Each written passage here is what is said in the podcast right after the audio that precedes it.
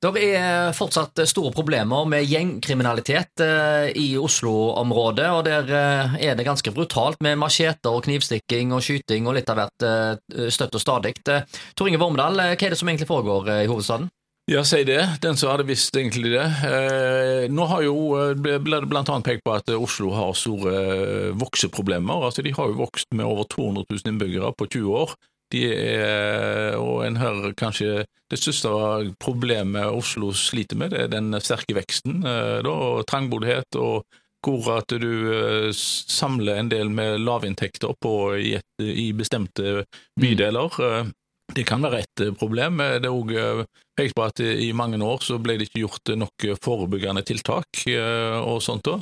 Men eh, Så den som satt med resepten på hva som bør gjøres i Oslo, det, det, det, det er ikke Jeg Kan de risikere å, å havne i samme galeien som i, i Malmö i Sverige, der det har tatt helt av? Nei, jeg tror ikke det. at det er så. dette er mer ungdomsvold det er snakk om. Da I Sverige er det mer jeg holdt på å si, eldre som tar seg av problemene.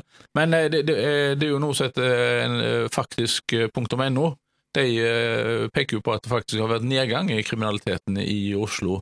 Det som er nytt, det er jo altså at det er gruppen som eh, begår kriminaliteten, er blitt eh, yngre.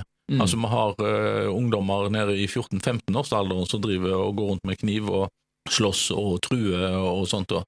Så, eh, og det, det, det er, Nå hørte vi i Dagsrevyen på lørdag om altså at eh, hvor ungdommer står og forlanger en form for bompenger for at andre skal få lov til å passere bydelen der. Ja, for de eier på en måte sitt område? Ja, de følte at de eh, det, Og det, sånne ting er jo helt uh, forferdelige, men uh, de, når det gjelder registrerte uh, hendelser og sånt, så er det faktisk ikke mer enn det det har vært for en del år siden. Men som jeg sier, altså Oslo har vokst med 200 000 innbyggere på 20 år, og det er mye. De er oppe i over 800 000 innbyggere nå. Og det største problemet til Oslo, etter min mening, det er faktisk at de har eh, for mange innbyggere eh, da, på et for lite areal. Da. Så det med å få ut arbeidsplasser og sånn for Oslo, det har vi vært inne på tidligere, det er en mm. viktig ting. Da, for Oslo bør faktisk ikke få lov til å vokse noe særlig mer da. Men dette her med konflikter om eh, territorier og sånt, det er klart at det er alvorlig, og det, det må tas, gripes fatt i eh, da, og slås ned på. Da. Men det har skjedd òg her? Det har skjedd, det har skjedd òg her. altså Det at eh, ungdommer passer på sitt territorium. På et litt annet nivå, da? På et litt annet nivå. De gikk ikke rundt med kniver og macheter og sånne ting som det, men i gamle dager så var de, passet de jo veldig godt på territoriene sine. Eh, for på 1920-tallet så Statsfysikus han påpekte dette her med eh, utbrudd av bl.a. kikhoste. Mm. Hvor du hadde da på Hasseløy eh, en stort utbrudd av kikhoste. Mange av ungene der hadde kikhoste, men det spredte seg ikke til byen.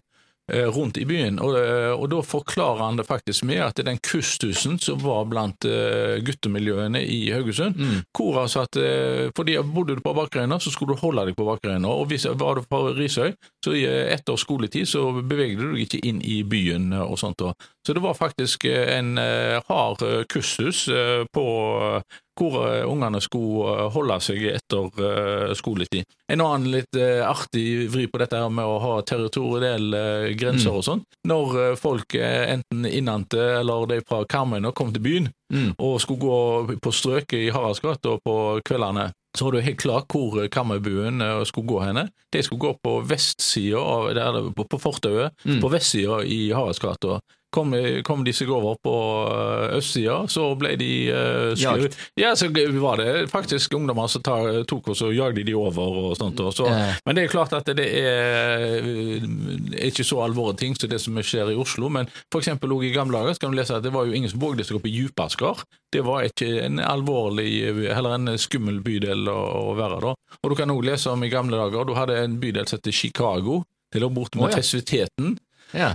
Og der var, det, det skal det navn, Tilnavnet der var jo det fordi at det var et tøft miljø der borte, og, og blant ungene. At de, de beskytter sin gate og sitt uh, område og sånt. Da. Så, men uh, du har òg For en del år siden så hadde vi sesjon i Haugesund og hvor det var delt inn i de ulike bydelene. Eh, da, og så var det at på Risøy nå, der eh, ble det kassert mesteparten av de som eh, skulle inn til militæret. Å nei, ser du det? så tok de bydel for bydel, og da var det, vi hadde tre bydeler i Haugesund. Det var Fastlandet, du hadde Risøy og Hasseløy.